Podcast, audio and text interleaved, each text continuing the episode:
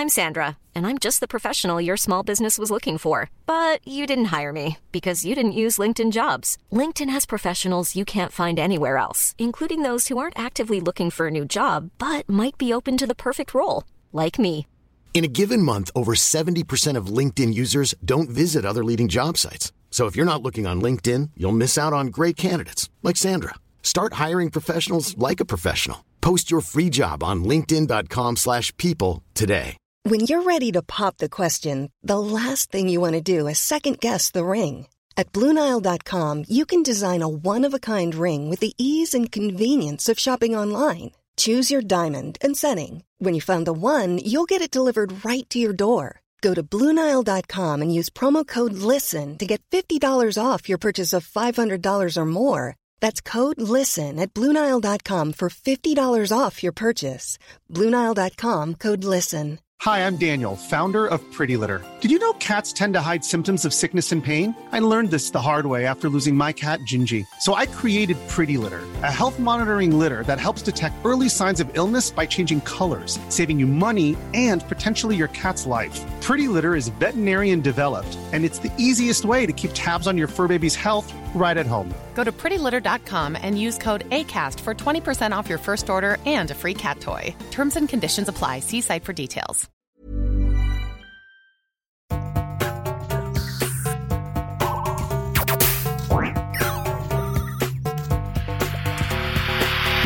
Jeg heter Sondre Risholm Livrød.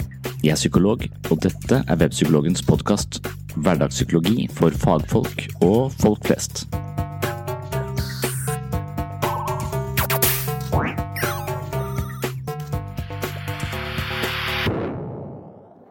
De som følger sinnssyn, vet at jeg er opptatt av religion, men ikke anser meg selv som troende.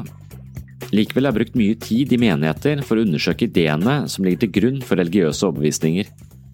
Jeg er kritisk til mange ting, men jeg har også funnet en rekke elementer ved religion som virker dannende og velgjørende for psykisk helse. Denne episoden blir ikke så lang, men jeg håper å formidle noe jeg synes er veldig viktig. Det skal handle om prososiale følelser, det vil si følelser som er rettet mot andre på en positiv måte. Disse følelsene kan være viktigere enn vi tror. Noen vil til og med påstå at medfølelse er selve nøkkelen til suksess på tvers av ulike områder i livet. Et annet stikkord i overskriften til dagens episode er viljestyrke. Jeg påstår at viljestyrke er en flyktig følelse, og det er fåfengt å basere personlig vekst og utvikling på viljestyrke. Derimot vil evnen til å nå sine mål og utvikle seg selv fungere langt bedre dersom man forankrer det i prososiale følelser. Og hva er egentlig begrunnelsen for å påstå noe slikt? Det får du vite dersom du henger med i de neste minuttene. Jeg kobler dagens episode opp mot Bibelen, ettersom denne boken har vært en viktig del av mine studier de fem siste årene. Jeg skal ikke misjonere for et bestemt livssyn, men jeg vil demonstrere hvordan de samme ideene om menneskets utviklingsmuligheter dukker opp både i de store visdomstradisjonene og i sosialpsykologens laboratorium. Velkommen til en ny episode av Sinnssyn.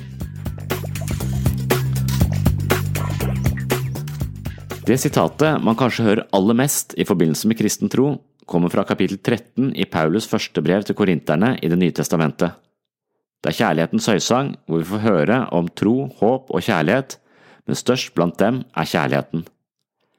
Det gamle testamentet var revolusjonerende fordi det la vekt på enkeltindividet. Det nye testamentet er enda mer banebrytende fordi det fungerer som et symbol på personlig frelse. Bibelen setter enkeltmennesket i sentrum, og det forandrer vår status. Det nye testamentet går lengre enn det gamle fordi det ikke bare foreslår at individet kan forandre verden, men at det også har en plikt til å gjøre det. Vår oppgave er å endre verden slik Gud ønsker det, og for å gi oss litt veiledning sender han Jesus som et forbilde. Denne manøveren gjør Bibelen om til en manual for aktiv kjærlighet. Her er det snakk om den skapende og helbredende kjærligheten. Det er kanskje ikke noe vi tenker på hver dag, men kjærligheten er kanskje den mest potente medisin for nesten alt. Kjærlighet bør brukes i barneoppdragelse, i relasjoner og konfliktløsning, og vi vet at de som klarer å utvise en sunn kjærlighet overfor seg selv, har mye mer å gi til andre. Dette er noe vi vet i dag, men ikke klarer å etterleve. Historikere kan imidlertid fortelle om en tid hvor dette ikke var allmennkunnskap. Når jeg kritiserer den skrekkinnjagende guden i Det gamle testamentet, kan historikere fortelle meg at denne guden ikke nødvendigvis var så sinnssyk, men snarere tilpasset et menneske uten selvbevissthet. På denne tiden var ikke mennesket mottakelig for noe annet enn en superautoritær gud som brukte maktspråk for å skape orden og kontroll der det herjet kaos og ufred. Med mer fokus på individet våkner det selvbevisste mennesket som kan nyttiggjøre seg et annet språk og andre livspremisser. Dermed blir kjærligheten Guds åpenbaring til det selvbevisste individualisten. Overgangen til kjærlighetsparadigme markerer en virkelig stor omveltning. Det nye testamentet har mange fortellinger som viser oss at kjærligheten kan være mye sterkere enn posisjon og makt. Jesus er en mye omtalt person i selvhjelpslitteraturen, og det er det god grunn til. Rent intuitivt er det lett å forstå at Jesus representerer en holdning til livet som er sunn både for individet og samfunnet. I dag finnes det også forskning som understøtter det vi visste fra før. Medfølelse er medisin for sjelen. Vi hører det fra Dalai Lama, som sier at det viktigste for mennesket er at vi utvikler det han kaller våre grunnleggende menneskelige egenskaper. Den første av disse er kjærlighet og medfølelse, men han snakker også mye om tålmodighet, toleranse, sjenerøsitet og ydmykhet. Disse egenskapene forutsetter en grad av indre disiplin og selvtillit, og det er en slik åndelig disiplinering Dalai Lama gjør seg til talsmann for. Hvordan man utvikler sin indre styrke, spiller ingen rolle for Dalai Lama. Man kan praktisere kristendom, islam, jødedom, hinduisme, buddhisme, psykoterapi, yoga, meditasjon eller noe annet. Men det viktigste er at man utvikler sin bevissthet. Målet er å dyrke medfølelse og takknemlighet for å utrangere irritasjon og smålighet. Det gir oss et mer harmonisk liv, og det forebygger hjerteinfarkt. Når man dykker ned i litteraturen som omhandler medfølelse og takknemlighet, finner man samstemte og oppsiktsvekkende resultater. En ny bok av psykologen David Isteno heter Emotional Success, og den tar for seg hvordan prososiale følelser utviklet seg for at vi skulle klare å motstå umiddelbare fristelser til fordel for et mer langsiktig mål. Tradisjonelt sett har vi tenkt at mye viljestyrke er viktig for å lykkes. Vi kan tilstrebe viljestyrke gjennom selvfornektelse, men de fleste av oss gir opp nyttårsforsettet før vi ser enden av januar. Viljestyrke er med andre ord et svakt og ustabilt utgangspunkt for å lykkes. Disteno viser oss derimot at eh, motivasjon og selvdisiplin for å nå langsiktige mål i bunn og grunn er knyttet til prososiale følelser. Dette er noe han demonstrerer ved hjelp av en rekke eksperimentelle studier og henvisninger til menneskets utvikling. For å være en del av fellesskapet må vi lære oss å ofre egne behov for et større gode. Dermed viser det seg at de som har følelsesmessig suksess, når sine mål med god impulskontroll og fornuftig planlegging, ikke er de som biter tenna sammen og krummer nakken for å unngå fristelser, men snarere er de som er takknemlige og følger med sine medmennesker. Boken viser også at eh, viljestyrke er en flyktig følelse som kommer og går, mens prososiale følelser blir sterkere desto mer vi bruker dem. En annen fordel ved disse prososiale følelsene er at de er smittsomme. Dersom man tar seg litt tid til å tenke over alt det man er takknemlig for, og tar en pause fra fokuset på det man mangler eller det som er feil, vil man ofte oppleve at takknemlighetsfølelsen ledsages av sympati for de som ikke har like mye. Disteno har god dokumentasjon for at en holdning preget av prososiale følelser er det beste utgangspunktet for å lykkes på de fleste områder i livet. Den litt eh, kontroversielle psykologen eh, Jordan Peterson mener å finne det samme budskapet i Bibelen. Mange av de bibelske fortellingene handler om å ofre noe. Han sporer det tilbake til en avgjørende erkjennelse hos våre tidligste forfedre. Istedenfor å ta det man vil, lyve, jukse, stjele og manipulere for egen vinning og velbehag i øyeblikket, innser vi at det finnes en mulighet for noe enda bedre i fremtiden ved å forsake noe nå. Vi lærte at god oppførsel, følelsesregulering og omtanke for andres ve og vel kunne lønne seg på lengre sikt. Vi forsto sammenhengen mellom dagens innsats og kvaliteten på morgendagen.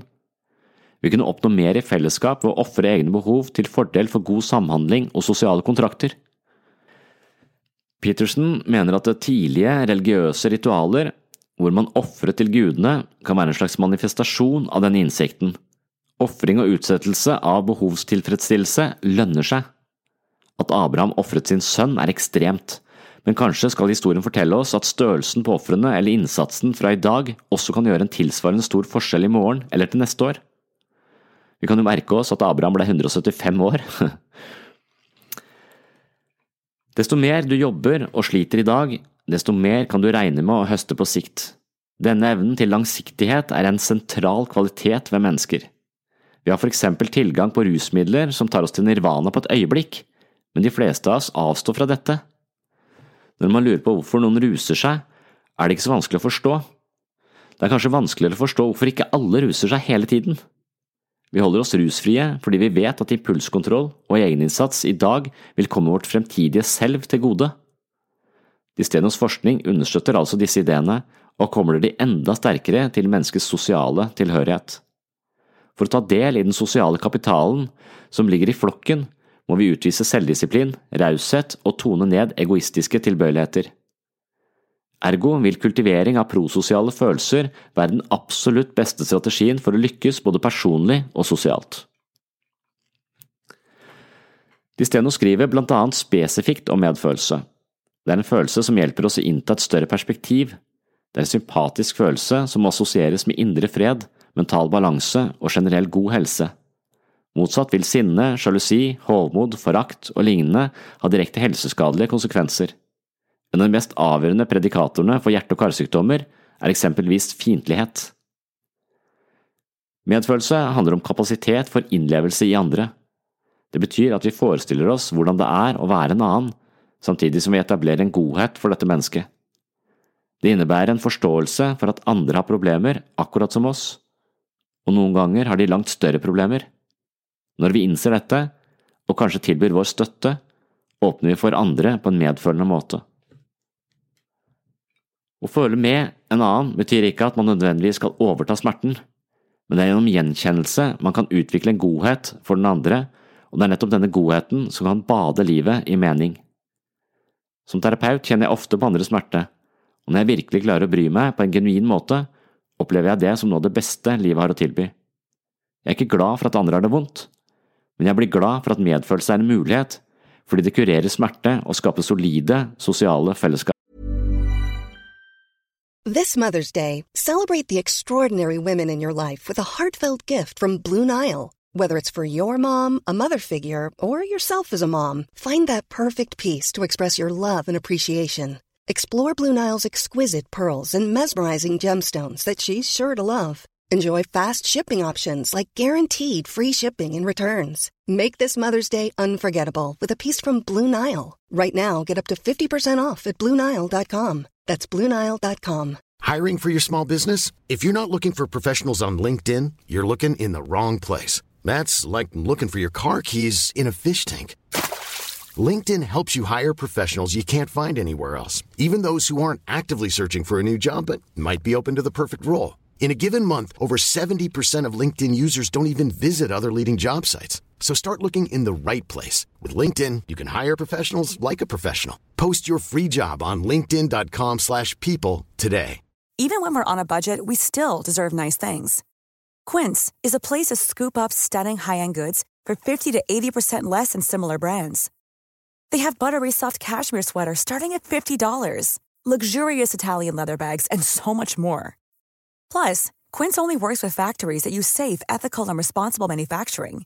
Get the high-end goods you'll love without the high price tag with Quince. Go to quince.com/style for free shipping and 365-day returns.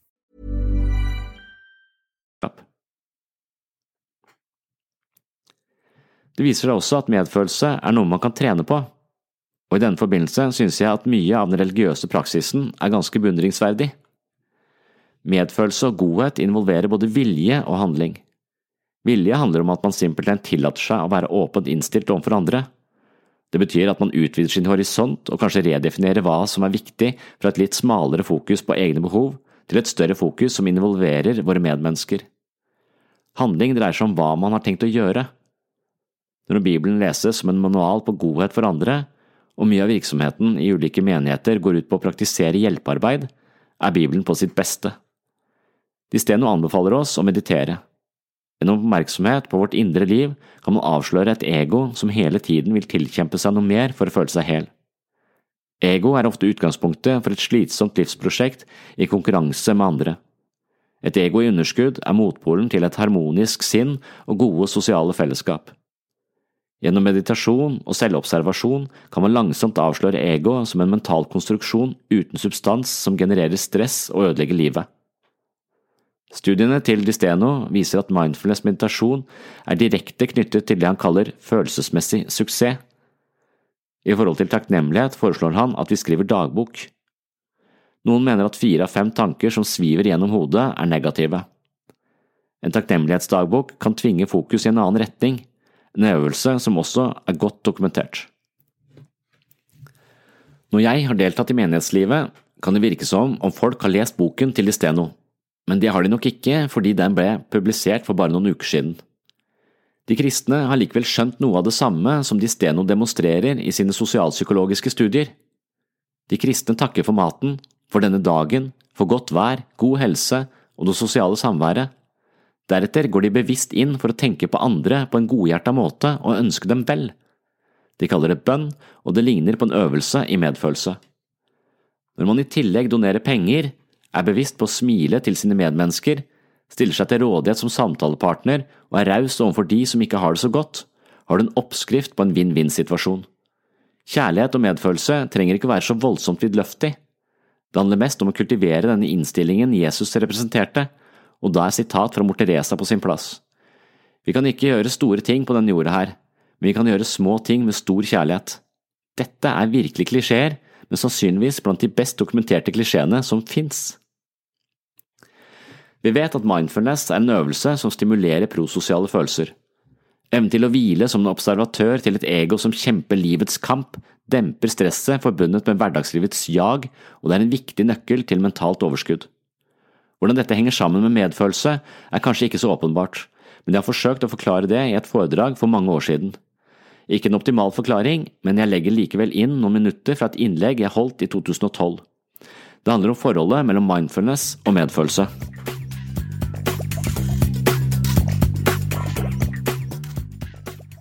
Annet, en annen ting eh, som jeg syns er kanskje det viktigste argumentet for hvorfor, hvorfor bør man meditere, eh, det er, eh, handler om eh, en som heter Paul Eckman. Eh, det, eh, han, han, er en slags ledende ekspert på følelser. Og det han trodde Eh, var at de som hadde meditert lenge, altså munker og sånne høyt oppe i eh, meditasjonshierarkiet, eh, ville score godt og ville ha en stor forståelse eller ha en høy emosjonell intelligens på, et eller annet nivå. Og, så derfor så testa han, han de. Og han hadde på, en måte rett, da. Det han, det han måler, er Eh, hvor gode eh, folk er til å oppfatte følelser hos andre. Eh, og da, da er det en sånn, Han har en sånn teori på at når du møter et menneske som på en eller annen måte undertrykker følelsene sine, eller prøver å skjule følelsene sine, så vil dette mennesket likevel avsløre det på et eller annet subtilt nivå som sier at i en femtendedels eller en 25-dels sekund så kan du i ansiktet til den andre se hvilken følelse som er den umiddelbare, oppriktige følelsen, og så fortrenges den, eller man ser bort ifra den, osv. Og, og det å eh, vi har jo snakket om hva, hva, selvutvikling er. Det handler kanskje om evnen til å se seg selv utenfra, ta et større perspektiv på seg selv, samtidig som det handler om å forstå andre innenfra forstå hvordan andre har det. Og så ha evnen til å leve seg inn i den andre vil gjøre oss mer sosialt kompetente. Eh, og mellommenneskelig kompetente. Eh, og da handler det om hvor gode er vi. Ofte kaller vi det bare magefølelse. Vi føler at den andre har det vanskelig, men vi tar det bare på magefølelse. Q-et vårt har vært et eller annet sted der i, eh, i ansiktet. Og noen av oss er gode til å oppfatte ansiktsuttrykk, og andre er dårlige til det. Men dette er også noe man kan trene opp. Så Paul Ekman har eh, spesielle treningsprogrammer hvor han trener folk i å oppfatte uh, følelser i andres ansikt. Det er en veldig sånn konkret og spesifikk måte å oppøve evnen til, uh, til å forstå andres følelser, eller leve seg inn i andre og lese det emosjonelle i kontakten med andre, andre, mennesker. Det trenger ledere, det trenger folk som jobber sammen med mennesker generelt sett. Så han har et eget program for det. Men han trodde at det å meditere hadde noe av den samme effekten. Så det han gjorde da, var at han tok disse eh, topptrente munkene, og så kjørte de gjennom en hel haug med forskjellige tester. Jeg skal ikke snakke om alle, men jeg skal snakke om den, den ene hvor han setter munkene foran en skjerm, og på denne skjermen så flagrer det forbi Eh, ansiktsuttrykk eh, i en eh, voldsom hastighet. Jeg vet ikke akkurat hastigheten, men ansiktsuttrykk bare flyr forbi. Og så er spørsmålet hva følte disse, disse menneskene? Og det, Dette går så fort at de, de fleste av oss vi har en sånn fornemmelse av hva vi så. Og det er sånn normalt på hva, hvordan folk scorer der. Mens de som har meditert over lengre tid, de scorer to standardavvik høyere. Altså de scorer veldig, veldig mye høyere enn normalbefolkningen. Så de klarer å lese veldig raskt den andres emosjonelle klima av ansikter som bare flagrer forbi eh, veldig fort. Og det Paul Ekman vet, er at de som er gode til det, de er også mer åpne, de er mer interesserte, de er på en måte mer vitale. Eh, og de har en, en stor på en måte emosjonell og sosial kompetanse. Eh, så, så de, de, de, fremstår, de oppleves ofte som mer åpne eh, personer. Kanskje det at de våger følelsene, de legger merke til dem. Så disse eh, som hadde meditert lenge, og det er snakk om mange mange år eh, på de han eh, testa, de, de skårte bedre enn bedre enn psykologer, psykiatere, bedre enn advokater, bedre enn politifolk, bedre enn tollere. Altså bedre enn alle de folka som man tenker driver og leser folk sitt ansiktsuttrykk. Jeg vet ikke, Når jeg kjører av danskebåten, så får jeg sånn kriminelt ansiktsuttrykk uansett. Uh, fordi jeg ser at det er en toller som står og kikker, uh, kikker på meg. Så jeg vet ikke helt hva hans uh, posisjon gjør med mitt ansiktsuttrykk. Men hva kan man si? Denne munken, hva er denne munken sine egen, egenskaper? Det er kanskje først og fremst at han har en At det viser seg, eller det virker som om meditasjon gir oss en høyere emosjonell intelligens.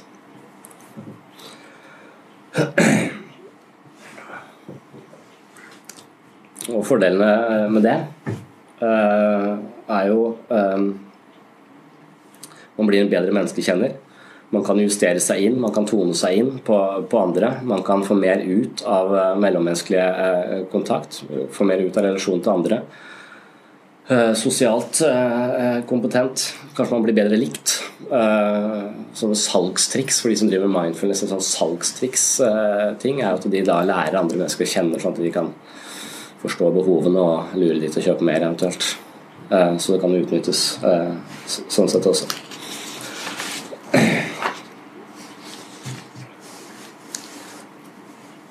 Um, det uh, mindfulness også, uh, også, gjør, er at det er en slags stressmestringsteknikk. Uh, og det kultiverer en form for indre balanse. og det er det man er ute etter i helse, helseforstand. Man er ute etter å få det roligere på innsiden. Fordi man vet at denne, en indre ro vil også ha en smitteeffekt. så indre ro i meg vil også kunne, kunne smitte over på andre. Men også sier at når de, tar, når de hilser på Dalai Lama, så utstråler han et eller annet. Det vet ikke jeg om stemmer, men, men det er denne eh, tryggheten, dette å hvile i seg selv, kan ha en veldig positiv effekt eh, på andre. Så jeg sier dette fordi Mange tenker at eh, meditasjon er en sånn der, eh, New Age-fenomen. Eh, at det er noe som, som tilhører sånn meg-generasjonen, dette overskuddssamfunnet hvor vi bare skal utvikle oss selv og bare tenke på meg og jeg skal få det bedre og osv. Men hovedmålet med meditasjon må være å få det Eh, roligere i oss selv, sånn at vi har mer å gi til andre. Eh, eh, mindre frykt, mindre usikkerhet, sånn at vi kan være mer åpen overfor andre mennesker. Disteno anbefaler også takknemlighetsdagbok. Dette er et selvhjelpstips jeg har lest mange steder. Ofte har jeg oppfatta det som platt eller litt banalt, men det endret seg da jeg gjorde et helhjerta forsøk selv. Takknemlighetsdagbok er en øvelse med gode meritter. De fleste av oss er disponert for å tenke negativt, og vi er flinke til å se for oss hva som kan gå galt. Tross alt er det mye mer som kan gå galt enn motsatt. Hvis du ber noen beskrive hva som kan skje i løpet av en dag for at dagen skal bli mye bedre, så kommer de ofte på to eller tre ting. Men så er det stopp. Dersom du ber dem tenke over hva som kan gå galt før mørket senker seg, kan de holde på i timevis. Det er greit å monitorere for mulige farer, og det sørger for overlevelse, men det betyr også at mye av vårt fokus er farget av tenkning som grenser opp mot krisemaksimering. Et slikt fokus skaper stress og en mild panikk for å mangle noe hvis ulykken inntreffer. Det er ikke det beste utgangspunktet for raushet, medfølelse og omtanke for andre. For å endre fokus kan man med viten og vilje sørge for å legge merke til alt som er godt og alt man er takknemlig for. Dette er noe vi kan praktisere hver kveld i en dagbok, men det er også et fokus vi kan tilstrebe å ta med oss inn i hverdagen. Hver gang vi kjenner en varm følelse eller en form for takknemlighet og godhet for andre, kan vi legge merke til det. Hvis vi legger merke til det, kan det hende at følelsen blir værende i ti sekunder istedenfor fem, og det er tross alt dobbelt så lenge. Mange vil oppleve at fokus på takknemlighet vil endre livet dramatisk. Yes, det var det siste jeg vil si om dette i dag. Takk for at du hører på Sinnsyn. Takk for at du rater podkasten i iTunes, og enda mer takk dersom du anbefaler podkasten til venner eller deler den i sosiale medier. Bøkene mine maser jeg om hver gang. De går grundigere til verks på akkurat de samme temaene som dukker opp i denne podkasten. Du får de til best pris med rask og gratis levering fra webpsykologen.no. På gjenhør i neste episode.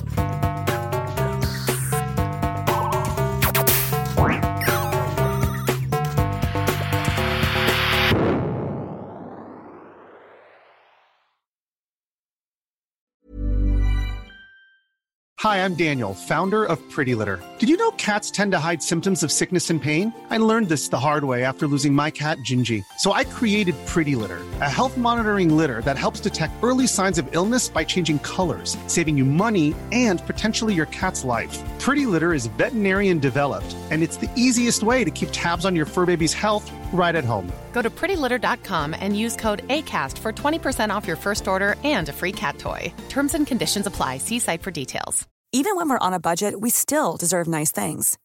Quince is a place to scoop up stunning high end goods for 50 to 80% less than similar brands. They have buttery soft cashmere sweaters starting at $50, luxurious Italian leather bags, and so much more. Plus, Quince only works with factories that use safe, ethical, and responsible manufacturing. Get the high-end goods you'll love without the high price tag with Quince.